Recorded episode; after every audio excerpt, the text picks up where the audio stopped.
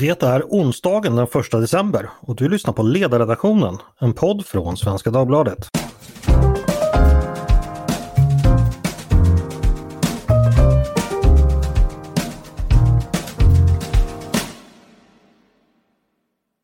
Välkomna! Jag heter Andreas Eriksson. I Belarus fortsätter protesttesterna mot Lukasjenkos regim. Eh, de öppna protesterna slogs ner eh, hårdhänt efter en tid efter det så kallade valet förra året. Men kampen mot diktatorn Lukasjenko fortsätter både inom och utom landet. Idag har jag med mig oppositionsledaren Svetlana Tichanovskaja som just nu besöker Sverige. Hon var ju Lukasjenkos huvudmotståndare som ni kanske minns i valet förra året efter att hennes man Sergej Tichanovskaja, som också var regimkritiker, hade fängslats. Welcome to Svenska Dagbladets podcast, uh, Svetlana Tichanovskaja. Hello everyone. You are in Stockholm right now. Uh, what is the purpose of your visit to us? You know that uh, at the moment in Stockholm there is a OSCE session. Mm-hmm where parliamentary assembly came and uh, tomorrow will be ministry um, meeting in uh, OSCE. So uh, I came here to uh, update, uh, to meet with the uh, people, with politicians, to update information about Belarus, what's going on, and how OSCE and the European countries can be helpful to um, bring Belarus to democratic changes. And uh, yeah, and then I, I, have met and meeting with the parliamentarian assembly of OSCE. Uh, I met with Swedish uh, parliament, with speaker of Swedish uh, parliament. So we have full program here. I see. Uh, just for take us back a moment, uh, more than a year has passed since the large protest in Belarus began in August of 2020. What has happened in the country since then? Oh, a lot uh, has happened. You know, for more than one year, uh, our resistance is continuing, though the world uh, uh can't uh, see you know visible demonstrations in Belarus anymore because of huge repressions. You know, every day new and new people are being detained in Belarus. For example, uh, today 11 uh, human rights defenders have been detained for their position.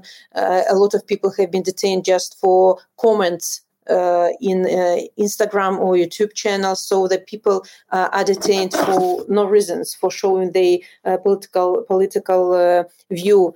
And uh, at the moment, 888 political prisoners in our country. More thousands more are detained. Also, not everyone wants to be recognized as political prisoners because their attitude to political prisoners is worse than to you know ordinary criminals in in uh, Belarusian prisons. People are tortured, people are humiliated physically and morally there, and uh, but uh, despite of this terror, despite of um, uh, of uh, um, of all this, you know, people are not giving up. People know that they, uh, now this is our chance, uh, wheel for changes in Belarus.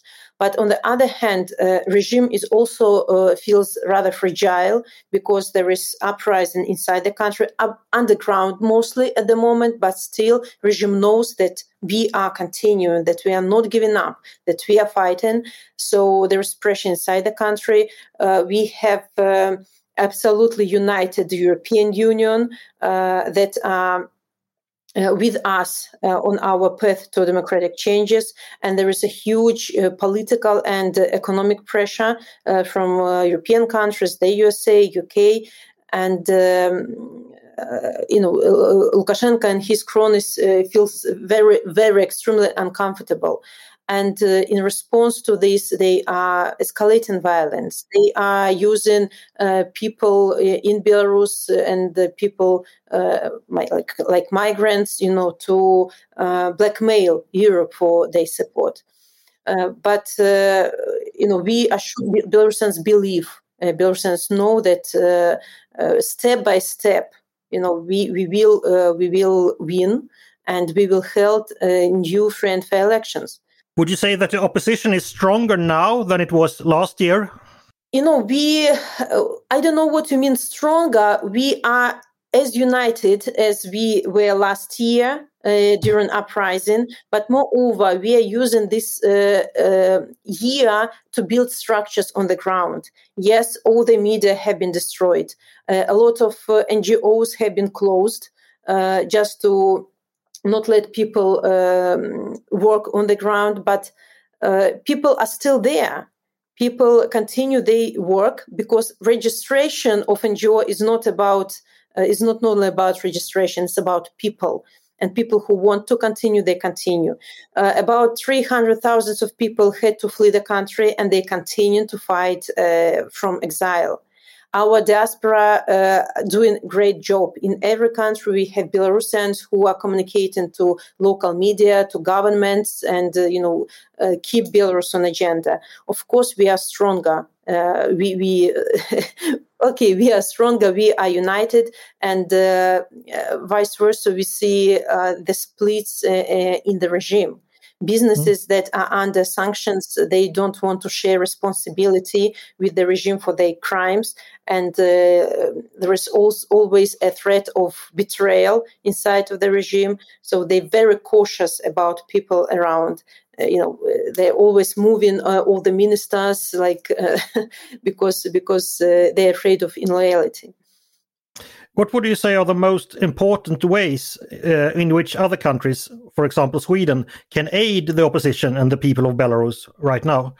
So, first of all, I would uh, say about uh, support to civil society. Sweden, for example, have been supporting Belarus for 25 years and uh, they continue to support students, teachers, doctors, uh, neighborhoods. Uh, Sweden is very active.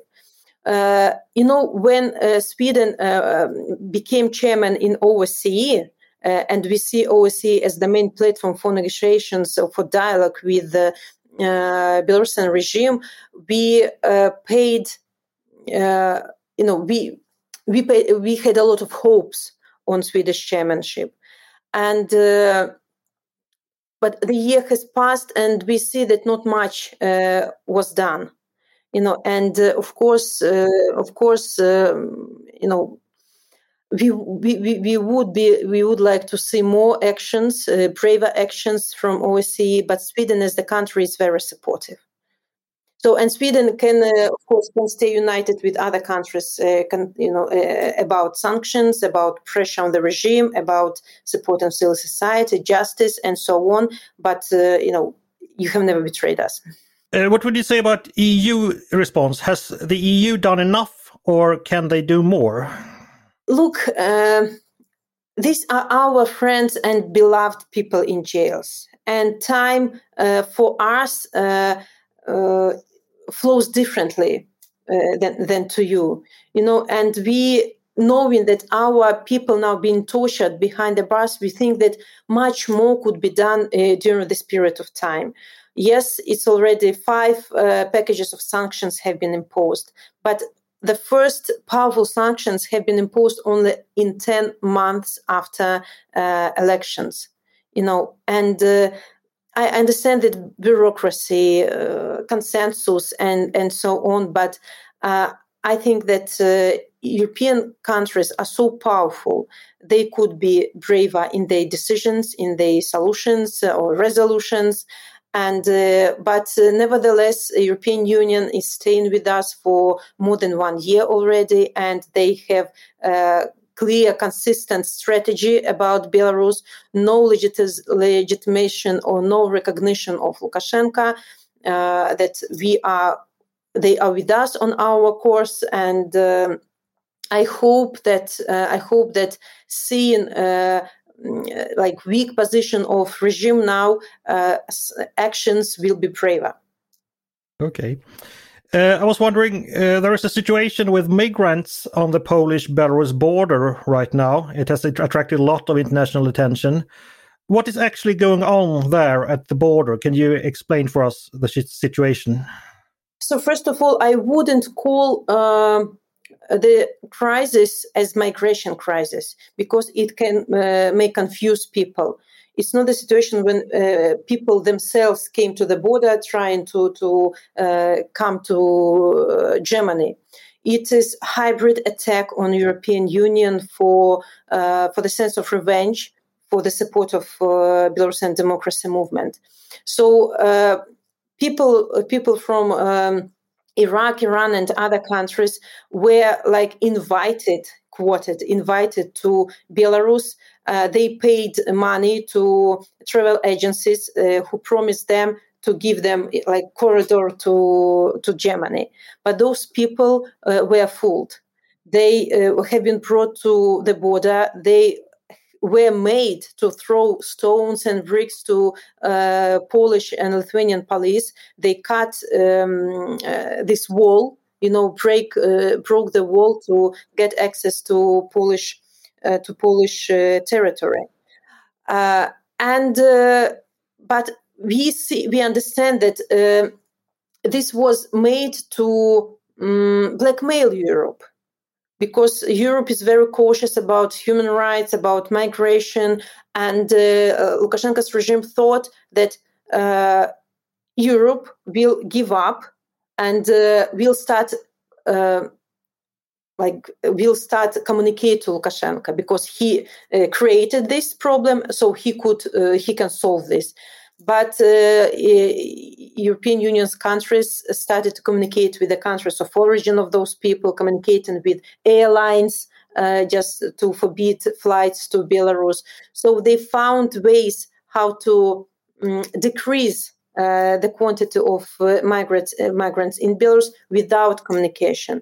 Yes, we heard about uh, call of of uh, Chancellor Merkel to Lukashenko and it was uh, mm, accepted very strangely, like among Belarusians, because uh, we always urge no uh, dialogue with Lukashenko without Belarusians.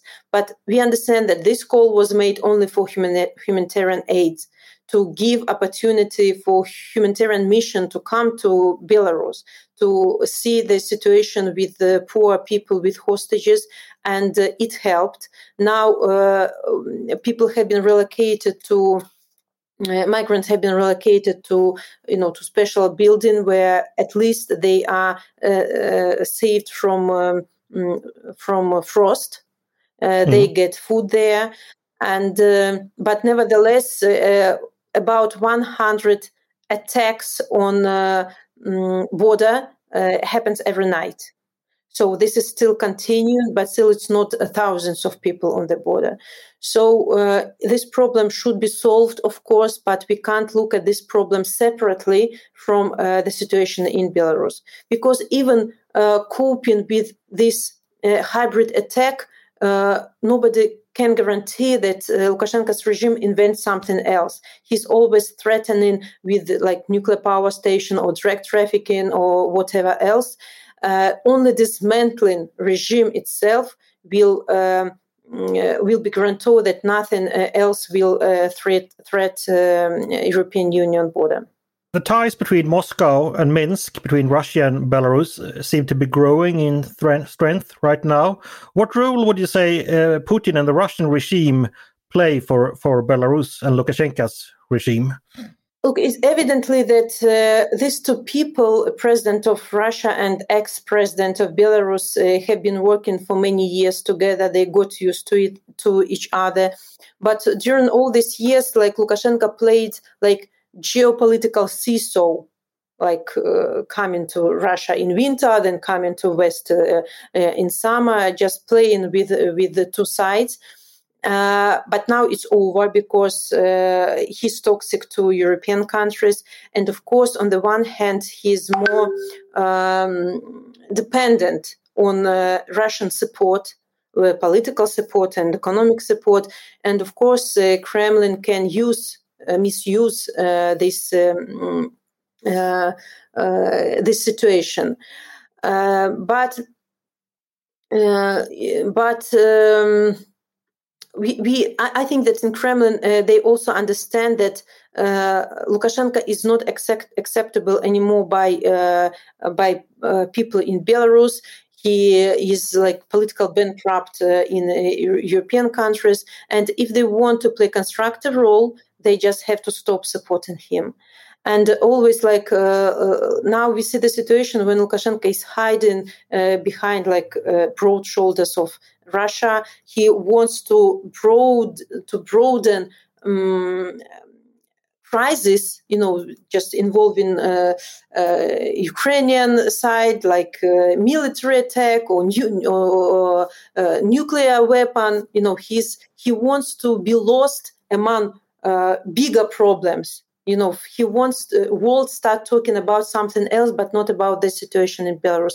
That's why we have always remember who is responsible what is the core of uh, all the problem arousing uh, uh, after fraudulent election in belarus. Mm.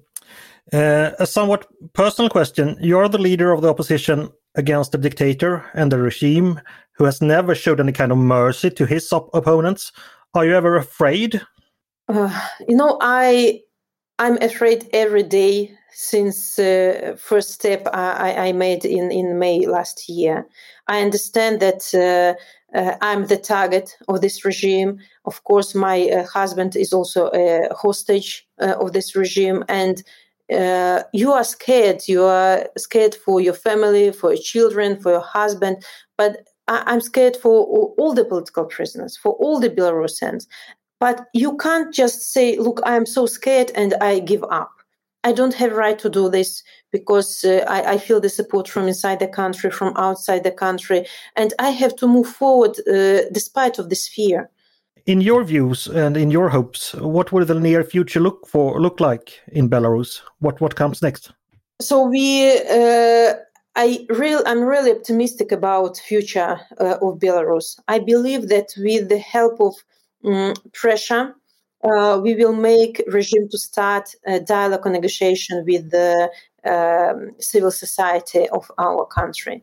Before this negotiation, the, all the political prisoners have to be released, and we um, will start real dialogue about transition period of our country, about new free and fair election, and after after free election, we will start to build new Belarus. And in one year, I see. Uh, my free country where a lot of investments uh, are coming, where we change in, uh, um, we have economical reforms, constitutional reforms, where everything is done uh, for people, not for one person, not for not for government, but, but for people, and people will feel uh, this uh, respect from new government, and they will like to do something for for their country. So I see Belarus as prosperous uh, uh, a prosperous uh, country that is a good neighbor for everyone.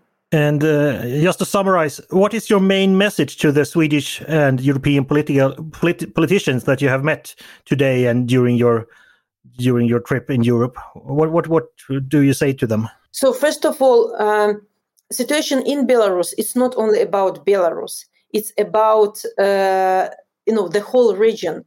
Uh, first of all, our fight between democracy and autocracy uh, it's responsibility of all the democratic countries that have to say, have to show that democracy also has teeth and can defend itself. So, uh, helping us, you are helping yourself. So, to reach this, uh, we have to uh, we have to uh, keep consistency in uh, policy towards regime, like uh, putting economical, political pressure on the regime, uh, supporting uh, civil society in our fight, being vocal about uh, the situation, not being lost uh, among other problems in in the world, because we are nearby. We are just closer. Minsk is closer than Brussels, for example, and. Um, just stay united because don't uh, allow a regime to split you because unity is our strength. Mm. And one last question. What's next on your schedule? Where are you heading now? I'm going to Vilnius in a couple of uh, days, so I'm staying here for two days more. Uh, and uh, then we have Eastern Partnership Summit where we are um, trying to be at side event uh, about Belarus and uh, you know i have uh, many like uh, official visits to other countries. We have to update the information all the time not to lose uh, not to lose focus on the belarus question.